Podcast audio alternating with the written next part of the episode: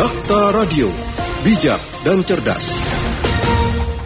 Rekan Dakta pengelola Mekarta membantah telah mempekerjakan ribuan tenaga kerja asing asal China secara ilegal pada proyek mereka. Diketahui proyek pembangunan kawasan hunian Mekarta berada di Kabupaten Bekasi, Jawa Barat. Bagaimana pengawasan dari DPRD Kabupaten Bekasi terkait dengan tenaga kerja asal China yang ilegal dipekerjakan di proyek Mekarta ini, kami sudah bersama anggota DPRD Kabupaten Bekasi, Budianto. Dakta Radio, bijak dan cerdas. Assalamualaikum, Pak Budianto. Waalaikumsalam warahmatullahi wabarakatuh. Pak Budianto, kita menerima kabar bahwa TKA asal China secara ilegal bekerja di proyek um, Mekarta. DPRD menerima informasinya bagaimana? Baik Mbak, jadi memang uh, perlu dicatat juga uh, oleh masyarakat Cikarang ya, ataupun Kabupaten Bekasi secara prinsip bahwa kita sebagai masyarakat Bekasi itu terima kasih dengan Lipo Cikarang. Sejak, sejak tahun 90-an mereka menjadi faktor yang sangat penting terkait dengan pembangunan uh, Kabupaten Bekasi itu sendiri. Hanya saja dengan perkembangan ke sini, dengan adanya proyek Mekarta, kami melihat ada sesuatu yang tidak seperti biasanya yang dilakukan oleh Depo Cikarang, gitu Mbak, ya. gitu. Salah satunya dengan proyek Mekarta yang super besar, super hebat, yang bukan hanya di Cikarang tapi juga barangkali di Indonesia. Nah kita uh, melihat dan menduga dan juga banyaknya informasi dari masyarakat Bekasi bahwa yang bekerja di proyek itu uh, cenderung terlihat secara kasat mata itu bukan orang-orang Indonesia kebanyakan, ya. oh, Mbak. Ya, tidak biasanya artinya memang benar ilegal atau bagaimana, Pak? Dari pantauan kami secara uh, fisik lapangan uh mhm. -huh. dan banyak orang yang mengatakan bahwa banyak sekali tenaga kerja asing di proyek itu. Ya. Dengan hanya 58 tower, ada 15 tower yang dinyatakan sudah topping up, ya sudah uh, selesai, atapnya juga sudah selesai. Uh mhm. -huh. Nah, tetapi ketika ada uh, isu corona, kemudian pemerintah daerah turun untuk coba mengantisipasi atas penyebaran corona. Nah, di situ ternyata dugaan-dugaan yang selama ini kami duga ternyata kesannya terbuka tabirnya pada saat uh, pemerintah daerah, dinas kesehatan bersama Disnaker didampingi imigrasi, Polres, Kodim, termasuk saya juga hadir. Kok ada sesuatu yang janggal ya. gitu gitu hmm, Mbak. Ya. Terkait sidak, artinya uh, eh, DPRD sudah melakukan sidak ke sana dengan beberapa pihak, begitu ya?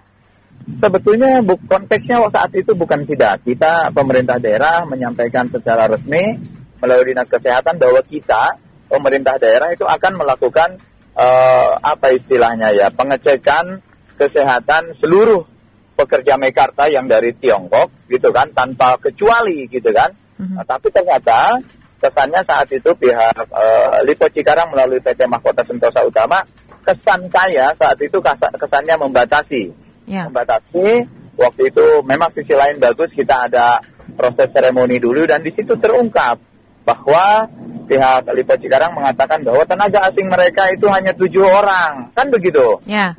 sesuatu yang sangat janggal dengan informasi tujuh orang -huh. uh, begitu saya uh, perdalam pada saat pertemuan itu kata pihak Lipo dalam hal ini Mahkota Sentosa Utama ada tujuh orang, tetapi berdasarkan dinas kesehatan kita, uh, dinas tenaga kerja kita bahwa PT Mahkota Sentosa Utama itu hampir 250 atau 260 orang datanya. Kan aneh tuh, ya, gitu kan? Tidak sesuai ya. Hmm. Ini ini aneh lagi, orang sebanyak begitu dan kita kasat mata juga banyak. Kok tercatat hanya 260? Aneh lagi kita kan berpikirnya. Hmm. Gitu. Ternyata alasannya bahwa pekerja-pekerja yang ada di Mekarta di luar MSU eh, Mahkota Sentosa Utama sebagai anak perusahaan Lipo itu ternyata kontraktor-kontraktornya di mana Menkon atau kontraktor utama Mekarta adalah Cina Construction gitu. Yeah. Mm-hmm. Nah saat itu belum terungkap yeah. dan belum terdata di dalam dokumen dinas tenaga kerja dinas tenaga kerjaan kita ada berapa tuh jumlah tenaga kerja asing yang dilaporkan dalam konteks ini ilegal yang tercatat di dokumen tenaga kerja kita. Begitu, Mbak. Ya, Pak Budianto sudah mendesak Dinas Tenaga Kerja untuk mendata ulang dan memberikan terkait dengan perizinan? Saya sudah berkomunikasi terus dengan pihak dinas tenaga kerja untuk memastikan berapa sih sebenarnya tenaga kerja yang melaporkan ke dalam sistem uh, pendataan tenaga kerja asing kita, gitu kan? Ya. Dan ternyata sudah mulai terbuka, walaupun juga ini masih beda. Mhm. Jadi pasca saya uh, mendampingi dis, uh, Dinkes, Disnaker dan uh, instansi lainnya, saya akhirnya mengkomunikasikan dengan pihak Mekarta, pihak Lipo, coba saya ingin ketemu dengan uh, prinsipalnya Mekarta. Nah, saya lupa tanggalnya beberapa hari lalu, saya ketemu dan ditemui oleh presidirnya Mekarta, presidirnya Lipo, uh, didampingi juga beberapa pihak terkait dan juga uh, kontraktor utamanya Mekarta yaitu Cina Construction. Nah, di situ juga masih tergambar terjadi perbedaan data yang signifikan gitu, Mbak. Ya, Pak Budianto, uh, DPRD Kabupaten Bekasi apakah memiliki informasi dari Dinas Tenaga Kerja ketentuan suatu perusahaan menggunakan jasa TKA? Uh, kita acuannya sebetulnya Undang-Undang 13 tahun Ya. 2013, di mana tenaga kerja asing itu kan ada syarat ketentuan yang sangat-sangat ketat sebagaimana orang Indonesia akan bekerja juga di luar negeri, Ya. kan begitu, Mbak? Hmm. Karena saya pikir ini kan uh, international law lah kan, peraturan-peraturan internasional yang hanya diberlakukan di masing-masing daerah wala di negara, walaupun mungkin ada kekhususan. Di dalam Undang-Undang 13 2013 itu jelas sekali syarat dan ketentuan tenaga kerja asing. Misalnya yang punya keahlian, begitu kan? Ya. Eh, levelnya level manajemen ke atas, gitu kan? Tidak ada buruh-buruh kasar itu diperbolehkan menurut undang-undang, kan begitu. Jadi seperti itu Mbak. Jadi acuan kita tetap Undang-Undang Republik Indonesia nomor 13 tahun 2013. Iya, Pak Budianto, eh, terkait dengan pemeriksaan dilakukan kepada pekerja, eh, bagaimana hasilnya Pak? Bisa disampaikan? Informasi detail saya tadi sudah dikonfirmasi oleh Kepala Dinas Kesehatan bahwa data hasil pemeriksaan sudah ada.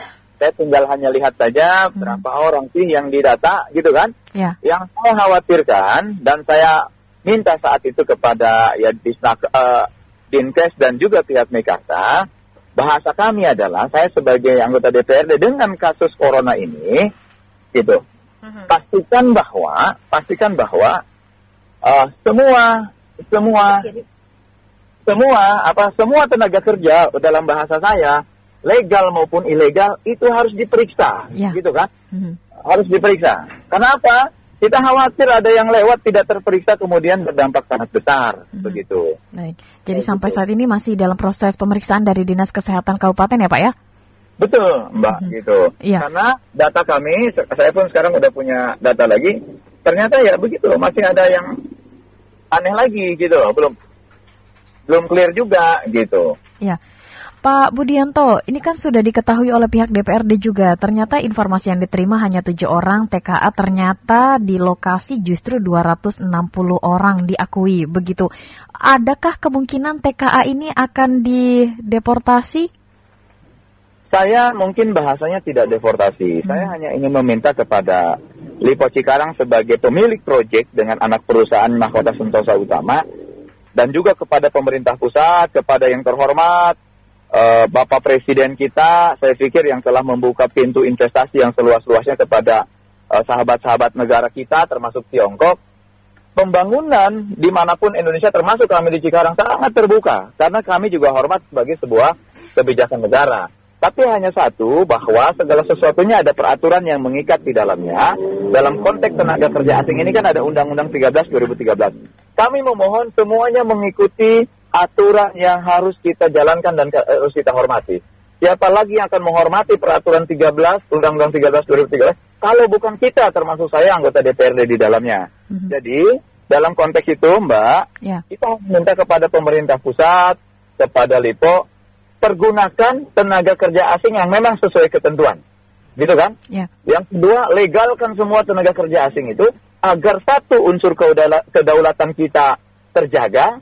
Yang kedua unsur pendapatan daerah maupun pendapatan pusat juga jadi ada kan kira-kira begitu Mbak harapan saya. Ya, Eh, bagaimana monitoring yang terus dilakukan? Banyak pihak ini tidak hanya Dinas Kesehatan Kabupaten Bekasi, kemudian juga untuk TKA-nya dengan Dinas Tenaga Kerja dan pihak Mekartanya sendiri. Ada target yang ditentukan DPRD Kabupaten Bekasi. Saya pikir masalah ini sudah bukan masalah lagi Kabupaten Bekasi, apalagi hanya masalah seorang Budianto yang anggota DPRD yang berasal dari dapil itu. Ya. Harapan saya adalah semua stakeholder, stakeholder pemerintahan, baik pemerintahan daerah dengan segala perangkatnya, uh, provinsi dan pusat, tapi mari bersama-sama uh, komunikasikan dengan uh, penentu kebijakan di Lipo, gitu khususnya. Dan ini sudah saya sampaikan kepada salah satu direksi dan komisaris Lipo, kami support pembangunan yang ada di Kabupaten Bekasi. Tetapi mohon dengan hormat, khusus tenaga kerja asingnya sesuaikan dengan ketentuan.